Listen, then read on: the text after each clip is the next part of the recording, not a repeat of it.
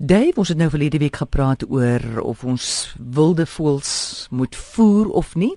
Heel wat reaksie gehad. Ek wil nou vandag weet watter plante is goed vir 'n mens se tuin om voëls te lok en wat hulle ook kan eet. Juffrou Becker, weet jy, ek het jare gelede die huis van Linnaeus, die groot naamgewer van plante en diere in Swede besoek. Kan jy glo die huis staan nog? En as jy oor die vallei kyk, sien jy die huis van Celsius, die ou wat temperatuur onder die knie gekry het. En een van die wonderbaarlikste dinge wat Linnaeus, hy het in die tuin geskryf. Hy was 'n baie beskaafde man. Sy vrou was blykbaar baie raserig en die kinders lastig. En hy het vir hom 'n skryfhuisie, so 'n klein kaboesie in die in die tuin gebou. En voor dit het hy vir hom 'n blomkalender geplant. Jete amore. Elke maand was daar iets in die blom, weet vir die maand en dit was hmm. soos 'n speke van 'n wiel fyn beplan dat die kleur en die plante elke maand moes aankondig dis herfs winter wat ook al.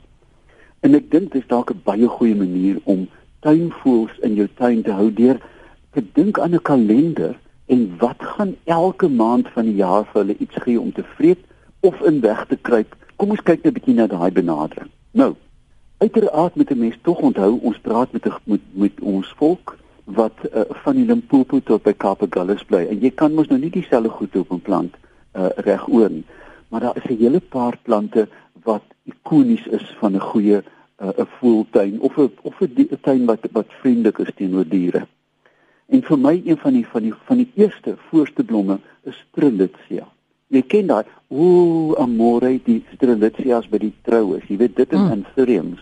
Die Strelitzia so teen die paadjie af die ruikers maar dan kom ons gaan nie so intoe nie. Ek voel 'n mens moet iets anders plant as jy huwelik laat hou. Ja. Maar dit is 'n gestileerde blom. Dit lyk of iemand of 'n argitek die ding ontwerp het, Art Deco met oranje en blou. Maar tog is dit een van die voorste blomme wat wat vir al suikerbekkies en bye uiteraard na jou tuin uh, lok. En weet jy amore dat die Jan Groentjie is die enigste voeltjie wat hom kan bestuif want as die Jan Groentjie op daai lepel gaan sit ontbloot die blom haarself. Mm. die blom tog haar noem en wys vir hom die styfnis dit is onsedelike daad. Maar daai voeltjie moet daar gaan sit voordat dit kan gebeur. En as jy dit net eenmaal sien is dit die moeite werd om hom te plant. Dan natuurlik erikas. Nou erikas is fynbosblomme maar daar is van hulle wat asembenemende groot mooi blomme het vol nektar uh, mamifera uh, nicolai daar's 'n hele klomp ek wil elke dag vir ons luisteraars dan van die plante op my Facebookblad sit en sê dit is goed vir die soort en daai soort voëls. Dan natuurlik is daar Carissa, die ou noem noem. Ken jy hom? Ja.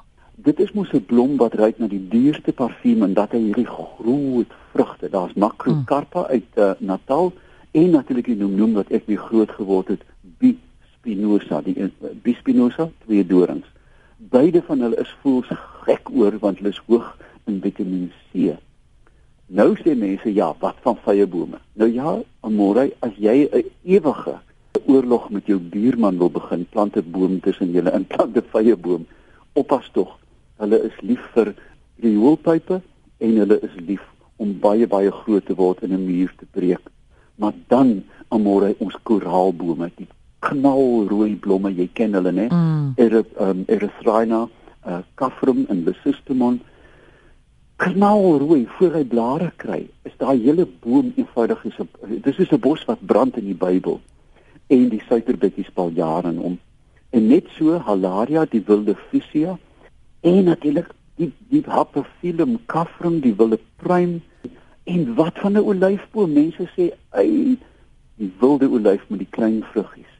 Amore, dit is nie 'n jaar of 3 na hy hom geplant het nie, dan kom die eerste geelpootduif Weet jy geweet die boere naam is bitterduif? Nee. Want as jy die olywe eet en jy eet die duif en smaak die ding glo bitter.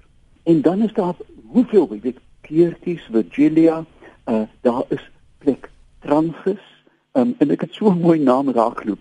Die stoepjacaranda. Is dit nie 'n mooi naam nie? Pragtig. Dis sy blou. Mm. Die stoepjacaranda. Dan is daar die rus spesies R H U S wat vir ons bekend is as karreebome. Nou, hy het klein vruggies en daar is geen boom op aarde wat 'n duif so lief is om 'n mm. nes te maak as hy sien. Wat van ons salies, daai hemelse blou blomme van die salie, waterbessies as jy in die noorde bly. En so amorei gaan ons die ding lekker uitpak vir die luisteraars en tog sonder veel moeite het weet jy dat ek al die plante wat ek genoem het is inheems, hulle is reeds aangepas vir ons. En so kan 'n mens met bitter min moeite dink aan Linnaeus se kalender en miskien 10 of 12 plantjies wat sorg dat jou tuin reg deur die jaar 'n kuierplek is vir die voëls. Besoek gerus sy Facebook bladsy, dit is Dave Peppler vir daai plantkalender.